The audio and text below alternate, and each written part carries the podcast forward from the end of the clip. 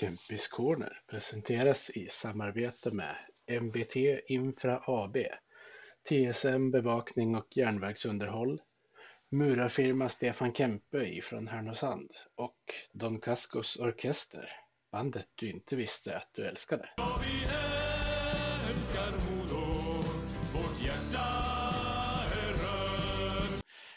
Och välkomna ska ni vara till Kempis Corner. Det har blivit eh, totalt 89 avsnittet och eh, som min gäst har jag med mig Modos lagkapten Ebba Berglund. Eh, stort välkommen till podden Ebba.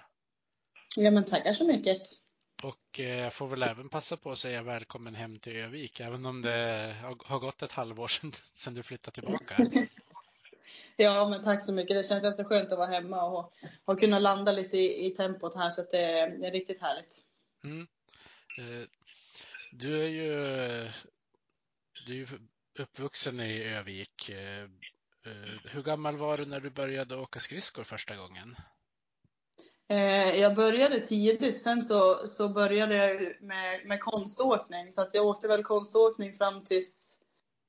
Jag tror att switchen kom vid årskurs fyra. Då bytte jag till hockeyn. Så att skridskor har jag åkt länge, men hockey var jag väl kanske lite senare på bollen på, eh, än vissa andra. Men eh, ja, det blir ju några år på skridskorna i alla fall. Mm, det är lite lustigt för det är ju ett par av herrspelarna som jag har pratat med i podden tidigare har ju också sagt att de har hållit på med konståkning när de har varit yngre. Christians Rubins bland annat har gjort det. Ja, okej, okay. ja, där ser man. Ja. Det kanske är det. Kan, ja, man kanske ska börja med det. Lära sig lite, lite annan teknik först och sen kliva över på hockeyn. Ja, men precis. Baklängesåkningen har väl gynnat. Framlänges var väl en liten, liten omställning att gå över till. Men, men bakåt, det var därför man blev satt som back. Så ja, så kanske det var. Uh, har du spelat back uh, hela tiden som du har spelat hockey? Ja, och nu, nu skrattar jag lite åt det, men det var just därför jag fick vara back. För att jag var inte jättebra på att åka framåt, men bakåt var jag riktigt vass. Så att uh, det var back från, från dag ett. Ja. Eh, hur gammal var du när du började spela eh, men, hockey i ett lag? Eh, ja, hur gammal är man när man är årskurs fyra? Det var då började jag med killar. Eh, killarna i Modo. Sen hade jag, ja hur många säsonger blev det med dem? Fram till årskurs åtta. Då spelade jag med, med grabbarna i eh, KB65 ett år. Och så sen årskurs nio kom jag till Damjön och så sen med damlaget från årskurs ett i gymnasiet. Ja, just. Uh, fanns det något, uh, något tjejlag uh, i Övik att spela med annars? Eh, jo, min första säsong när jag, när jag precis började, det var med ett flicklag. Sen till året efter så var vi, tror jag, bara fem spelare kvar. Så då blev vi utputsade i, i olika killag eh, beroende på vilken ålder man var i. Eh, och annars fanns det damjun då. Men just flyttlaget försvann, så det fanns först och så sen, sen försvann det då, då många slutade. Ja, eh, men jag förstår. Eh, jag vet att bland annat eh, Mariam El Mahmadi har ju också spelat mycket med killar. Hur tyckte du att upplevelsen var att göra det? Eh, nej men jag tyckte att det var jättebra för min del. Eh, grabbarna tog, tog väl hand om en och det var jag och, och Paula Bergström som spelade tillsammans i, i KB65 och så jag och, och en annan tjej eh, i Modo. Så att, eh, det var snarare så att de blev lite överbeskyddande för oss. Men jag trivs jättebra med killarna. Man får ju eh, in i, i smeten direkt liksom med tacklingar och grejer och sådär. Så att det gällde att, att ta för sig annars så fick man inte riktigt plats. Nej, eh, var det stor storleksskillnad också när ni började komma upp i tonåren och sådär? Alltså jag var ju faktiskt lång eh, ganska länge, sen jag det och nu är jag kort. Så att eh, just när jag spelade med killarna i början, då var jag nog bland de längre. Eh, så att på så sätt var det bra. Sen började de ju skjuta iväg lite grann. Eh, men eh, nej, det var ju ingen sån skillnad skulle jag säga. Det var väl ja, men ett par stycken som var, hade skjutit iväg ordentligt. Men sen så, som sagt i årskurs nio så spelade jag med de juniorerna. Så att jag kan tänka mig att där kommer mycket också av, av eh, eh, eh, längden för dem när de skjuter iväg och i viktmässigt och sådär. Mm. Eh, vad fick du för mottagande av, av motståndarna eh, när, när de märkte att det var tjejer som var med och spelade? Eh, ja men det kunde nog vara lite blandat. Vissa ville väl in och trycka till lite extra men då hade jag ju mina grabbar som de stod till mitt försvar där så att eh, Ja, men det var kul. Jag har väl alltid varit lite rejäl i min speltyp så att det passar nog mig ganska bra faktiskt. Så det var bra för dig när de började med, med tacklingar i SDHL med andra ord? Ja, för nu var jag inte här förra året. Jag var i USA förra året, men till den här säsongen har jag njutit av det. Annars har man kunnat sitta lite i utvisningsbåset. Men eh, nej, det, jag gillar det verkligen. Mm. Uh, hur var det att gå eh, hockeygymnasiet då? Jag trivdes jättebra. Sen hade jag ju fördel att kunna bo hemma samtidigt. Annars vet jag att det blir ju mycket i ung, i ung ålder liksom. Eh, men jag trivdes jättebra här, det funkar bra för oss. Sen hade vi i vår årskurs några som droppade av. Eh, några årskurs två och några årskurs tre. Eh, men ändå kunnat fått vara in och, och var, spela lite mer med killarna, eller träna med killarna på, på hockeytider också. Så att, jag tyckte att det var en jättebra balans och, och bra upplägg. vad gick du för program på skolan? samhälls, ledarskap och hälsa gick jag. Eh, gick det bra att få ihop eh, hockeyn och skolan eh, eller var det något som blev lidande av det andra? Eh, nej, men det tycker jag inte. För det första hade vi jättebra lärare och förstående att vi, vi var iväg en del och, eh, och hade mycket resor med STHL. Men sen har jag alltid haft ganska lätt för mig i skolan. Eh, så att så länge man liksom gjorde det man skulle och höll sig så disciplinerad man, man kunde så var det absolut inga bekymmer. Nej, jag kan tänka mig annars, eh, särskilt om man får eh, debutera i juniorlandslaget som du fick göra, att man kanske, kanske kan missa lite grann om man är på läger och sånt där. Ja, precis. Men som sagt, jättebra lärare och kunde ja, men, anpassa uppgifter eller eh, eh, tider och datum man, man gjorde prov och inlämningar och så vidare. Så att, eh, det gäller väl att ha en bra dialog där och relation med dem. Så det tyckte jag de löste galant. Mm. Eh, för dig som är uppvuxen i, i Övik, är det, är det självklart att det har varit Modo i hjärtat hela tiden eller har du haft något annat lag som du har supportat? Nej, det är klart att det är Modo. Man har varit eh, följt med pappa sedan man eh, knappt kunde gå liksom, på matcherna. Först på Kempis och sen på, på eh, Hägglund. Så att, eh, nej, det har inte funnits något annat lag på så sätt. Sen har jag trivts bra i olika föreningar, men men Modo är alltid Modo och hemma alltid hemma. Så att, eh, det är klart att eh, Modo-hjärtat har ju brunnit starkast av dem alla. Mm. Eh, det var ju 2006 eh, som Modo började spela i eh, Swedbank hette den väl då, bytte från, ja, från Kempis. Har du något minne från, alltså något särskilt minne från Kempis eller var du för ung för att komma ihåg så specifika detaljer? Nej, men det skulle jag nog inte säga att jag var. Jag kommer ihåg att vi alltid parkerade uppe på baksidan och så fick man ta slänten ner och så in där. Så att, eh, sen, men det är klart, tråkigt att den inte kunde vara kvar, eh, hallen. Det var ju liksom ett, ett kärnminne liksom från när man var liten. Eh, sen har jag, åkte jag konståkning där också så att jag har ju andra minnen från, från Kempis. Så att, eh, ja, där har man spenderat några timmar. Ja, jag förstår det. Jag har ju, har ju döpt den här podden. Eh, det är väl eh, lite mindre på grund av mitt namn. Den heter Kempis Corner och lite mer som en hyllning till gamla Kempehallen. För eh, ja, det, det, är ju liksom klassisk mark. Jag vet. Ja, med stubben och allting.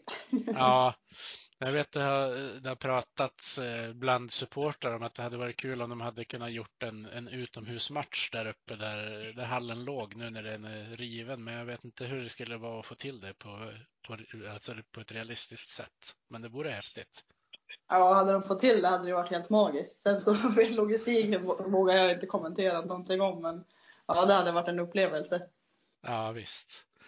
Eh, men eh, Fick ni spela några no matcher där uppe äh, ja, men, innan den revs eh, efter att den nya arenan hade blev invigd? Alltså, jag spelade lite med grabbarna där. Eh, nu vågar jag inte komma, säga hur det var om... Vi ska se. Nej, det vågar jag faktiskt inte svara på om jag spelat i den hallen. Det kan, jag har konståkning i den hallen i alla fall. Eh, men matcherna vet stackarn om det bara kanske var Modohallen då faktiskt. Nej, det är klart den, den används ju frekvent nu också. Eh, ja, precis. Jag vet inte hur, hur, många matcher ni har spelat just den här säsongen där, men jag vet att den brukar ju användas med jämna mellanrum för, för dammatcherna. Ja, i år har vi inte haft någonting i, i vi hade ju en match i Sollefteå men annars har vi bara varit i, i Hägglunds. Ja. Ja, men det måste ha varit häftigt att få spela i Sollefteå, för det vart väl ganska, ganska mycket folk där? Då? Jo, men det är kul. Det är viktigt för oss också att kunna komma ut i, ja men de har ju bra flickverksamhet där med många, många tjejer som spelar och kunna få komma ut och, och uppmärksamma dem lite grann också. Du debuterade ju i, i Modos A-lag eh, säsongen 15-16 eh, när du även var med och spelade med junior, eh, juniorlaget, juniorlandslaget. Mm. Hur, hur var det att, att kombinera de två grejerna? Eh, ja, men det var väl en hektisk period generellt sett, men sen när man är mitt i det så tänker man väl inte så mycket på det. Utan det var väl tur att det, det var när man var ung och hade all energi eh, på så sätt. Eh, men det är klart att det blev mycket med både hockeygym, du var iväg, det var träningar och ibland dubbla träningar med dam och, och damjön. Och det är ju sånt som tjejerna gör fortfarande. Eh, så att eh, all eloge till dem. Man, det är väl nu i efterhand man kanske man inser hur många pass, pass det blev i veckan. Ja, man, jag kan tänka mig att man, man tänker och lever mycket hockey då.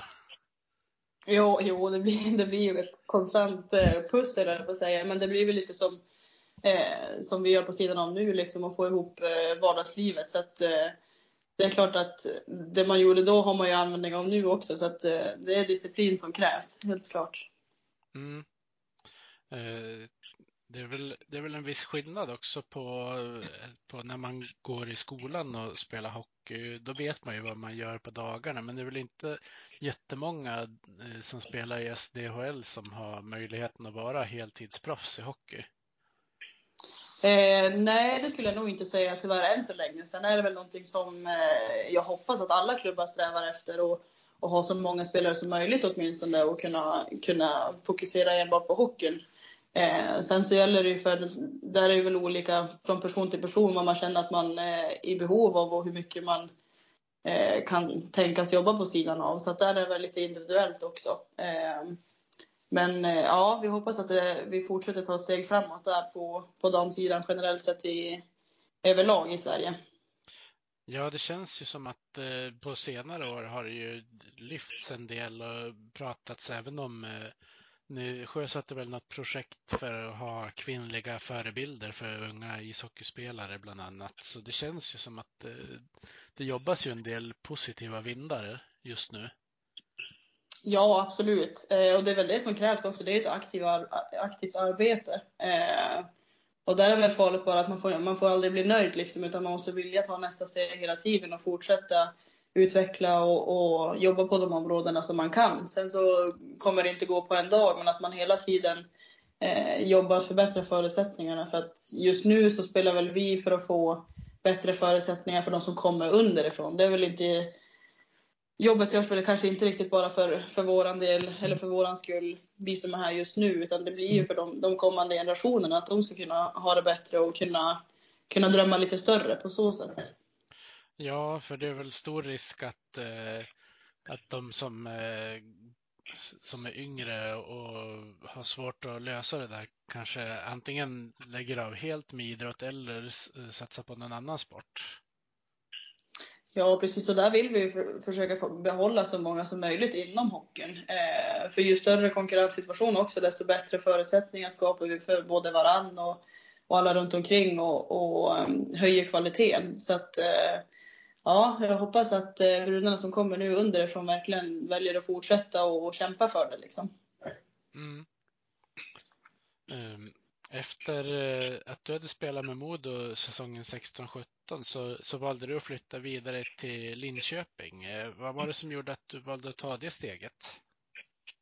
Eh, nej men jag hade väl egentligen planerna eh, på college eh, och så ville jag ha ett år, hade pratat lite med, med olika skolor och ha ett år där man eh, ja, men bor själv, man, man vet hur man grejer vardagslivet liksom eh, och kanske mognar till sig lite grann eh, på så sätt. Så det var väl tanken från början. Sen så kände jag när jag var där borta att ja, men det kanske inte var, var rätt väg att gå för mig. Men det var väl tanken från början att, att eh, ja, men göra ett år i Linköping och så sen, sen åka över. Eh, nu blev det inte så utan eh, det blev ett år i Linköping och sen flytta lite längre norrut. Men eh, det var väl grundplanen eh, när jag valde att lämna.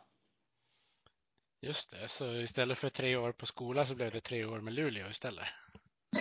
ja, precis. Eh, det blev så ja. Eh, var det för att du saknade Norrland för mycket eller var det liksom det, det hockeymässiga som drog mer? Eh, ja, men varför jag inte åkte till college var väl en kombination av att jag ville satsa på hockeyn eh, och inte bara liksom det akademiska. Eh, så att just hockeymässigt så kändes det för mig bättre att fortsätta inom Sverige. Eh, så att, ja, men sen öppnades det dörren till, till Luleå och då kändes det som ett, ett eh, ja, men spännande steg i karriären på så sätt. Så att, eh, det var väl anledningen till att jag skrev på första året för Luleå. Sen trivdes jag väldigt bra där uppe och både inom föreningen och stan. Så att då blev det, blev det tre år till slut. Ja, och du tog ju hem eh, SM-guldet två av de eh, åren också. Det måste ju vara en, en sån här sak som man, man drömmer om när man, när man växer upp som ung spelare. Ja, absolut. Och så mitt år i Linköping så blev det ju ett, ett bittert silver. Så att man kände, hade väl verkligen vittringarna på att eh, man vill vara med och, och till toppen liksom. Eh, så att då hade vi förmånen att kunna ta hem det två år. Så att det var, ja, men det var väldigt häftigt och, och stort på så sätt. Och eh, det, det, brukar väl vara ganska mycket folk eh, om man jämför med övriga klubbar i Sverige på Luleås matcher också. Ja, precis. Där, där har de gjort ett jättebra jobb från start. Eh, så de valde att eh, göra det Luleå Hockey MSSK. Eh, och har väl haft mycket folk från, från dag ett egentligen. Eh, och är väl någonting de aktivt jobbar med. Nu kan jag inte svara på hur de har gjort senaste åren, men, men när jag var där i alla fall så var det ett, eh, ett fint jobb de la in för det. Sen i Luleå hade ju dambasketen mer publik än, än herrlaget också, så det var väl någonting där med att de, ja, de gillar resultaten också. Mm. Eh, man kan ju hoppas på att det, det, blir lite mer publik på matcherna i Övik också. Eh, det kan väl variera rätt kraftigt va? Ja, precis. Och det är väl någonting vi aktivt försöker jobba med och försöker få fram och, och hitta, hitta lösningar och vägar. Så att eh, ja, det är någonting vi, vi ligger på. Det är ju bra på ett sätt då att ni har men, fredagkvällar är det väl ofta den här säsongen och så kanske söndagar så inte matcherna eh, ja, men hamnar, eh, vi säger om ni skulle råka spela samma dagar som herrarna kanske det är risk att det blir olika arenor och då är det ju ännu mindre möjlighet att få dit mer publik. Ja, precis. precis. Sen är det ju bra just spelmässigt också att kunna få en dag emellan istället för att köra lördagar och söndagar eller Eh, på så sätt. Så att eh, spelmässigt också så är det en fördel att, att det ligger fredag och söndag. Eh, du var ju, var ju med och spelade OS också under tiden som du var i HV dit du flyttade efter dina år i Luleå. Hur, hur var det att vara med om? Eh, jo, men det är en extremt häftig upplevelse. Eh, sen var det väl kanske präglad av eh, Eh, lite annat med coronan och allting som var under tiden. Så att, eh, ja, det är väl ett OS som man inte kommer få uppleva någon, någon fler gång förhoppningsvis. Eh, på så sätt. Eh, mycket restriktioner och det var, gick runt i, såg ut som rymddräkter och sprayade med saneringssprayer efter man varit i hissarna och sådär. Eh, så att extremt häftig upplevelse. Eh, och ja, det är ju bland det största man kan vara med om inom damhockeyn. Så att ja, extremt roligt. Det måste ju vara, eh, ja men, även när man tittar bara ett par år bakåt är det svårt att tänka sig att det, att det har varit så där. Men det var ju väldigt påtagligt med coronapandemin såklart under tiden som det var. Ehm, Precis. Fick ni leva liksom i en bubbla då när ni var där borta? Jo, men det blev lite så och kanske inte röra sig så mycket på ytor som vi inte skulle vara på. Eh, men sen var det väl mycket med tester varje dag och det topsades och det skulle mätas olika värden och sådär. Så att eh, ja, det blev lite eh, fyrkantigt om man kan säga det så. Sen är de ju väldigt noga med,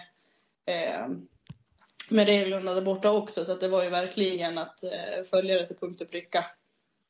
Hur gör de då när det, för jag antar att man måste ju äta när man är på sånt där också är det att de, de ordnar så att man får sitta med, med bara sitt gäng eller är det att folk får sitta ja, på sina hade... rum eller?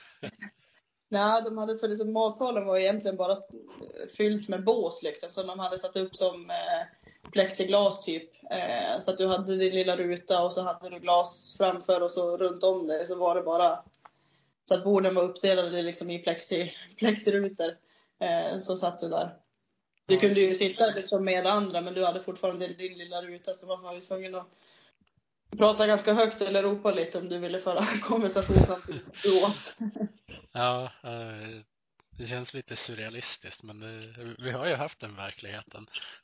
Ja, precis. Eh, efter att du, hade spelat i HV, vad var det som gjorde att du, att du ville flytta till, eh, till USA och spela hockey? Eh, I och med att du hade valt bort college, eh, var det ändå att du var liksom sugen på att testa på att vara där borta? Eh, ja, det, möjligheten kom ju. Så ville de ju satsa stenhårt på den ligan den, eh, den säsongen. Så att jag kände att det var ju både en, en eh, extrem möjlighet att åka över och spela där och, och bra nivå på ligan och, och, bra lag. Men samtidigt som man verkligen kunde känna att man kunde leva på sin, på sin sport. Liksom. Eh, så det var väl en kombination av att man ville testa det och se, känna av den typen av livet. Liksom.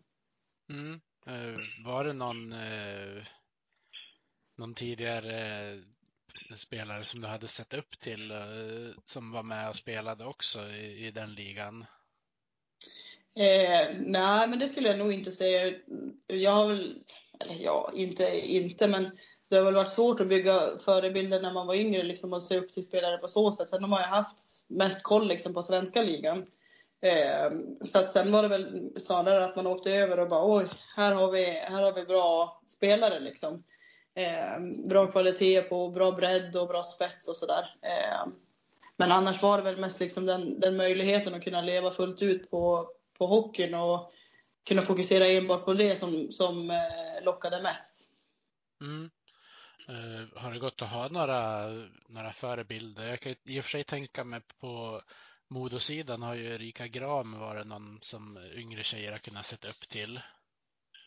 Ja, precis. Alltså, att sen, spela både med Erika och eh, Emma Nordin och även Michelle Karvinen i Luleå. Så att där är väl spelare som också verkligen har föregått med gott exempel både på och utanför isen och väldigt fina personer. Eh, så då har det väl mer blivit att man har byggt förebilder när man har haft eh, en vardag med dem och verkligen sett dem konstant liksom snarare än innan att bara liksom ha sett dem i ett motståndarlag eller sådär. Utan det har väl mycket varit att man, man ser hur de hur de arbetar och sliter och, och jobbet de lägger ner och, och, vilka fina personer de är både på och utanför isen liksom. Ja, men jag förstår. Är det så att du försöker vara som en, som en svamp och suga åt eh, sådana här bra egenskaper? Eh, ja, men jag har väl alltid varit hårt jobbande så på isen och, och utanför och tyckt om det här med, med att träna. Men sen just just den här ödmjukheten tror jag man lär sig mycket av att man kan, man kan leda på olika sätt. Eh, att det finns olika typer av spelare och, och ja, men Emma Nordin och Michelle Karvinen har väl varit praktexempel på det och verkligen eh, leda på, på ett ödmjukt sätt och vara liksom inofficiella ledare och så vidare. Eh, så att det är ju sådana personer man verkligen eh, har sett upp till på så sätt, absolut. Mm. Eh, på tal om att leda så när du flyttade hem till Modo har du fått tag i kaptenskapet. Eh, hur tycker du det känns? Eh, ja, men jag har väl gått in med inställningen att jag vill, jag vill ju vara mig själv och förhoppningsvis är det, är det av den anledningen som Eh, jag har fått den rollen. Eh, och för mig har det varit viktigt att verkligen se till att alla känner sig sedda och hörda och eh, som, som jag nämnde tidigare med, med Michelle och Emma, kunna leda med gott exempel både på och utanför isen. Eh, men annars egentligen bara försöka vara mig själv och, och ja, men inte liksom krångla till det på något annat sätt utan mer bara, bara hoppas att det, det räcker till liksom. Mm. Eh, vad tror du det är som har gjort att eh, att det är du som har blivit vald till kapten. Eh, för nu har ju Modo haft eh, Olivia Karlsson i många år. Nu av naturliga skäl så, kunde, så är det ju inte hon som fortsätter eftersom hon nu har slutat med ishockeyn. Mm. Det har ju funnits spelare också som har funnits med men, några år som under henne om man säger så. Vad tror du det är som har gjort att de har valt just dig? Har du någon, någon egenskap du själv känner har varit viktig för det? Eh, jag har väl inte spekulerat så jättemycket i, i den biten eh, överhuvudtaget. Men, men som person är jag väl ganska lugn och trygg i mig själv. Och, eh, hoppas väl att jag kan sprida en, en lugn och trygghet i laget också. Eh, sen är jag ganska direkt som person också, så att är det någonting så, så brukar jag kunna, kunna ta upp det på, på gott och ont ibland, eller säga. Men eh, ja, jag vet faktiskt inte om det, det har med det att göra. Men sen har jag ju som sagt eh, gillat att jobba hårt både på och utanför isen, så att det kan nog vara en bidragande faktor till det också. Ja, eh, du är ju bara bara 25 år och har ju en fin meritlista redan också. Eh, så jag kan tänka mig att man, man, man lär sig mycket på vägen. Ja, absolut. Och så sen som du, som du nämnde tidigare med svampen så blir det ju att man eh, när man har varit runt en, en, del också så tar man ju med sig vissa saker och vissa saker som man, man lämnar kvar och så vidare. Så att ja, några erfarenheter har man väl lyckats samla på sig på åren. Ja. Eh, och ni den här säsongen eh, ligger just nu, nu kan jag ju säga att vi spelar in eh, på fredag den 2 februari innan ni har den här veckans matcher. Men då ligger mm. ni på, på en andra plats i tabellen. Eh, eh, före Brynäs. Det är ju ni som, som verkligen slåss om den där andra platsen. Hur tycker du att er säsong har varit hittills? Eh, nej men jag tycker att vi har gjort en jättebra säsong. Eh, tappat några poäng som vi kanske inte hade hade behövt tappa och så vidare. Men sen, vi, alla, alla dagar går inte. Eh, men jag tycker att vi har en extremt fin grupp som jobbar tillsammans och för varandra. Eh, och liksom alla drar åt samma håll. Eh, sen har vi bra spets, men vi har bra bredd också att kunna använda oss av eh, fyra lines. Eh, så att jag tycker att vi har gjort en, en, fantastiskt bra säsong. Sen gäller det att kunna knyta ihop säcken nu när det börjar komma till slutspelstiderna. Eh, för alla vet att allt kan hända i ett slutspel, så att det är då vi verkligen kommer sättas på vår spets. Eh, ni har ju en ganska bra blandning av spelare i, i truppen också. Både några som är lite yngre och några som är lite äldre. Även om det är taskigt att kalla någon som är 26 år för äldre. Precis, Nej, men sen våra, våra unga spelare har ju faktiskt spelat ganska länge i, eh, på den här nivån. Så att eh, även om de är unga så känns de inte så unga utan de, de har bra erfarenheter och, och eh, är ju väldigt viktiga för laget, eh, helt klart. Ja. ja, vissa har väl spelat seniorhockey sedan de var typ 14-15 år så det, man, man bygger ju på sig både, både erfarenhet och, och förståelse. Ja, precis. Att jag tycker de är unga, men de spelar inte som att de är unga, vilket också är väldigt häftigt att se. Så att, eh, ja, det, ja, men det är en bra mix på gruppen och en härlig blandning. Mm. Uh, vad tycker du är uh, era, era bästa egenskap som lag den här säsongen hittills? Eh, ja, men Modo generellt sett har ju alltid varit ett hårt jobbande lag. Eh, och det tycker jag verkligen att vi är. Att vi är duktiga på, på att jobba och slita, men sen har vi även eh, ja, men haft ett, ett bra försvarsspel säsongen, eh, hela säsongen. Sen har vi spelare, vi har spelare som kan göra mål, vi har spelare med kvaliteter som kan trixa till det lite extra ibland och sådär. Så att, eh, ja, men som jag nämnde tidigare, en väldigt fin mix på gruppen. Att alla, alla kämpar och sliter, men vi har även spetsen i det. Mm. Så känns det som att ni har ju potential att ha väldigt bra målvaktsspel också. Ja, extremt. Vi har två extremt bra målvakter så att eh, de gör mycket för oss. Det, det ska vara sagt. Ja, ni har ju 54 plus om man tittar på statistiken där. Så det, det säger väl att ni har ganska bra offensiv och ganska bra defensiv. Ja, men precis. Alltså, den här mixen jag pratade om, den, den blir väldigt genomgående. Att vi, vi kan göra ett bra, bra försvarsspel och bra eh, defensivt jobb, men vi är också eh, vassa framåt. Sen har vi väl haft några matcher där det varit lite tyngre att göra mål, men sen lossnar det till nästa match och så sen sprättar vi in några stycken där. Så att, eh, ja, få lite mer kontinuitet på det till slutspelet bara, så tror jag att vi kommer gå långt. Ja, och så har ni väl eh, dessutom, eh, om, om det nu skulle bli så att ni, ni går så långt som ni möter Luleå så har ni ju lyckats ta någon match mot dem också. Ja, absolut. Och sen, ja, men jag tror på oss stenhårt så att eh, finalen är ju målet och så sen eh, det optimala målet är ju guldet såklart. Så att eh, vi nöjer oss inte förrän vi är där höll jag på att säga. Men sen är det ju som sagt många steg på vägen. Eh, och som jag sa tidigare, allt kan hända i ett slutspel. Men eh, styrkan vi har inom gruppen och in, ja, men för varandra, eh, den tror jag att det, det är den som kommer ta oss långt. Ja, eh, sen har ni ju flera stycken som har varit med och spelat slutspel tidigare trots sin unga ålder och det är ju också ett plus såklart. Ja, definitivt. Det blir ju som en annan hockey när det väl kommer till slutspel så att eh, där är väl mer bara att Eh, Eh, att vi som grupp förbereder oss så, så bra som möjligt på det. För att eh, ja, men det blir lite en annan hockey och, och det är väl den hockeyn vi älskar mest. Så att eh, ja, det ska bli riktigt kul. Mm. I, I dagsläget innan matchen mot Frölunda så har ni ju som, som lag tre raka segrar.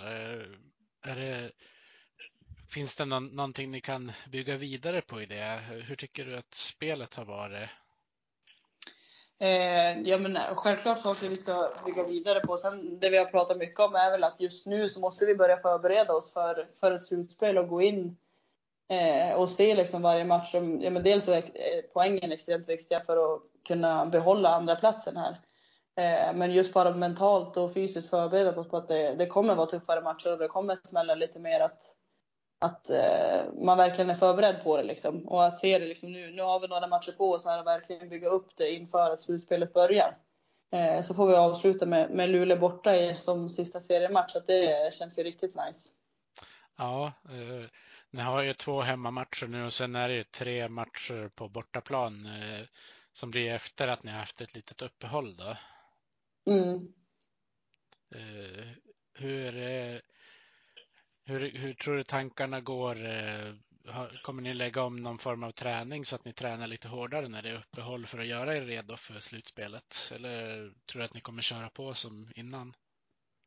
Eh, nej men det kommer ju vara ganska många spelare borta nu eh, just på uppehållet så det blir väl lite annat. Man skiftar väl ofta, ofta fokuset. Dels kanske lite tuffare pass för de som är, de som är hemma men också lite mer individuellt eftersom att det är, det är många som är borta. Eh, så att då får ju de som, de som är iväg jobba stenhårt på, på, på de delarna och de som är hemma jobba stenhårt för att vara redo eh, för slutspelet och eh, de tre matcherna innan dess.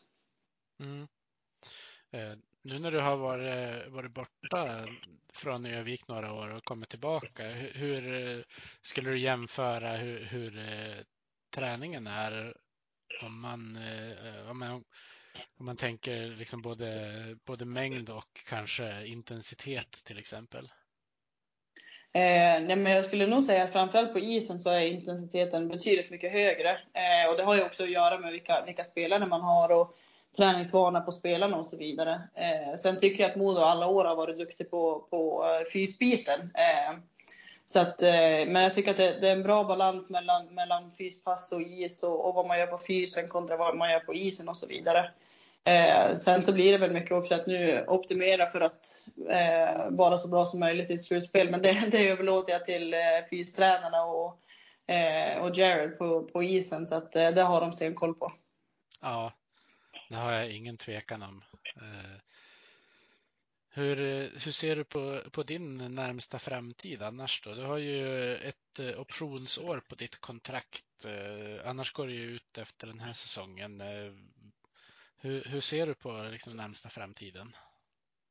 Eh, nej, men jag trivs jättebra här hemma och, och just det, jag brukar, när folk frågar hur det känns att vara hemma igen så brukar jag säga att ja, men tempot i New York var, var rätt högt men det är skönt att komma hem och liksom kunna ja, men det, det, är ett lugnare tempo här i stan. Liksom. Eh, att man kan liksom koppla av och, och, slappna av på sidan av, vilket jag tror är jätteviktigt också.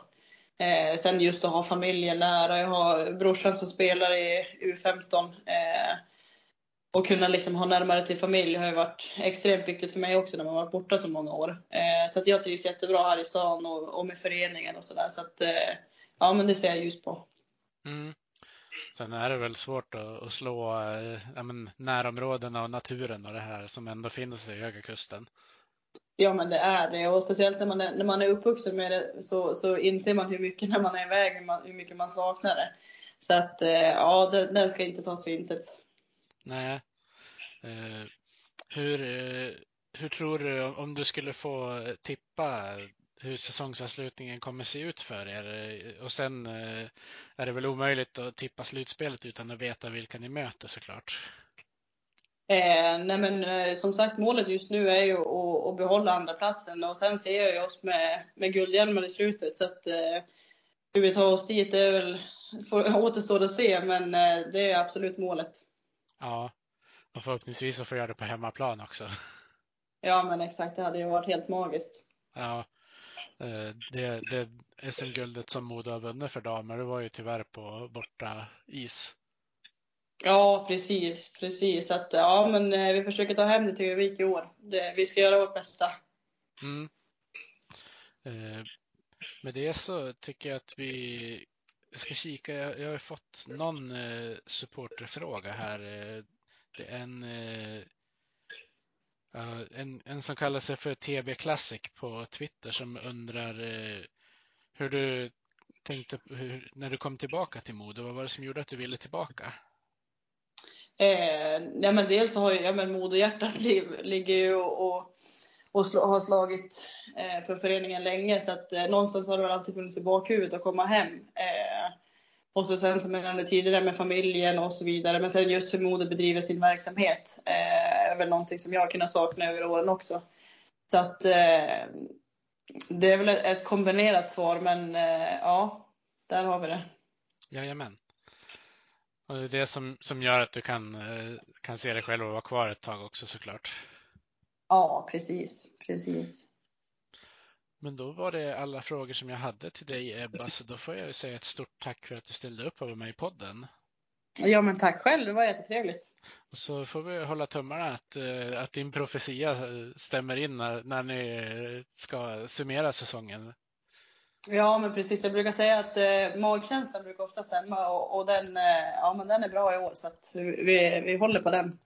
Låter fint. Så säger vi också stort tack till alla som har lyssnat och så får vi säga att eh, förhoppningsvis kan så många som möjligt komma och titta på era matcher, om inte annat så i slutspelet. Definitivt. Eh, vill de komma och se bra hockey så är det bara att, att svänga förbi arenan. Mm. Vi hejar på Modo, rödvit och grön. Klubben i hjärtat, en känsla så skön. Övik, ja, Övik, ja, där trivs vi bäst. Med matcher i lyan, ja, då är det fest. För vi är